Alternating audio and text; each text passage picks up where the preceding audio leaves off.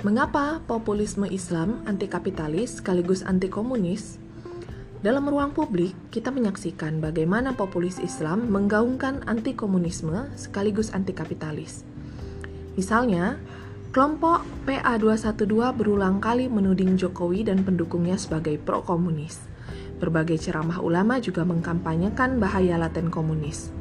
Baru-baru ini, kelompok yang mengatasnamakan organisasi Islam melakukan sweeping terhadap buku-buku berbau komunis. Namun di sisi lain, mereka juga membenci dunia barat dengan sistem kapitalismenya. HTI misalnya, dalam beberapa aksi demo menyerukan anti kapitalisme dan demokrasi. Sebagai gantinya, mereka menawarkan sistem khilafah yang mereka anggap berdasarkan syariat Islam. Seperti kita ketahui bahwa komunisme adalah ideologi yang melawan kapitalisme. Dalam cita-citanya, komunisme melalui perlawanan kelompok buruh atau pekerja ingin melengsarkan kekuasaan kelompok borjuis, yaitu kelompok pemilik modal dan pengusaha yang culas. Upaya ini dalam rangka mewujudkan keadilan sosial, di mana tidak ada lagi masyarakat yang kaya dan masyarakat yang miskin. Karena hak milik akan harta benda dikuasai oleh negara, bukan individu. Jadi, komunisme adalah ideologi yang hadir untuk melawan kapitalisme.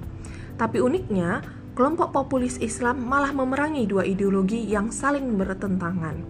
Sederhananya begini, untuk melawan kapitalisme, populisme Islam bukan menggunakan pemikiran komunisme, tapi malah menolak komunisme. Mengapa ini bisa terjadi? Penelitian VDR Hadis tentang populis Islam menjadi bahan yang penting untuk menjelaskan hal ini. Dalam sejarah populis Islam awal, kemunculan populisme Islam dipicu karena perlawanan terhadap sistem ekonomi kolonial Belanda yang diskriminatif. Sistem perekonomian zaman kolonial membuat kelompok Kristen dan Cina berada dalam posisi yang lebih beruntung dibandingkan kelompok Islam.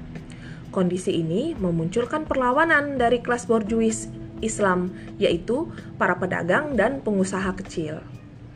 Sarekat Islam adalah salah satu organisasi yang lahir untuk melawan ketidakadilan sistem ekonomi kolonial ini. Tapi karena basis sarekat Islam adalah kelompok borjuis dan orang kaya lokal, mereka menolak perlawanan revolusioner ala komunisme. Mereka khawatir bila revolusi ala komunis akan mengancam kepemilikan harta benda pribadi mereka. Seperti kita ketahui bahwa komunisme menolak adanya harta benda pribadi yang menimbulkan kesenjangan sosial. Maka, alih-alih menggunakan komunisme sebagai ideologi perlawanan, Sarekat Islam menganggap syariat Islam adalah jawaban atas ketidakadilan sistem ekonomi kolonialisme tersebut. Walau demikian, muncul kelompok pro-komunisme dalam tubuh Sarekat Islam. Salah satu tokohnya adalah Haji Misbah yang menyatakan tidak mungkin menjadi Islam tanpa menjadi komunis. Kelompok inilah yang kemudian dikenal sebagai sayap merah dalam Sarekat Islam. Mereka kemudian menggalang kekuatan Sarekat Islam dari kelompok buruh dan pekerja. Sayap merah inilah yang kemudian melahirkan Partai Komunis Indonesia. Setelah kemerdekaan Republik, kelompok populis Islam terus bersaing untuk memperjuangkan syariat Islam. Namun pada kenyataannya, populis Islam tak berhasil untuk memperjuangkan keistimewaan posisi umat Islam dalam undang-undang karena kondisi politik parlemen yang tidak stabil. Kondisi parlemen yang tak stabil ini kemudian membuat Soekarno membubarkan parlemen dan membuat pemerintahan demokrasi terpimpin. Dalam kondisi ini, populis Islam kalah bersaing dengan ideologi komunisme dan nasionalisme sekuler. Pada saat meletusnya konflik 65, kelompok populis Islam dimanfaatkan untuk menurunkan Soekarno sekaligus melawan komunisme.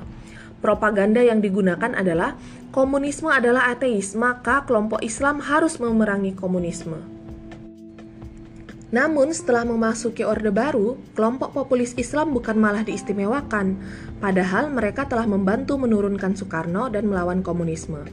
Kebalikannya, Soeharto membatasi ruang gerak populis Islam khususnya dalam politik dan ekonomi. Ini dikarenakan Soeharto khawatir bila populisme Islam kemudian melawan kekuasaannya, mengingat populis Islam punya potensi di Indonesia karena mayoritas warganya beragama Islam. Diskriminasi terhadap umat Islam ini terjadi beriringan dengan pertumbuhan sistem kapitalisme di Indonesia. Jadi muncul kelompok Islam yang miskin karena sistem perekonomian yang diskriminatif dan koruptif. Kelompok ini kemudian melakukan perlawanan terhadap kapitalisme sekaligus pemerintahan Orde Baru. Tapi lagi-lagi, perlawanan terhadap kapitalisme ini tidak akrab dengan komunisme.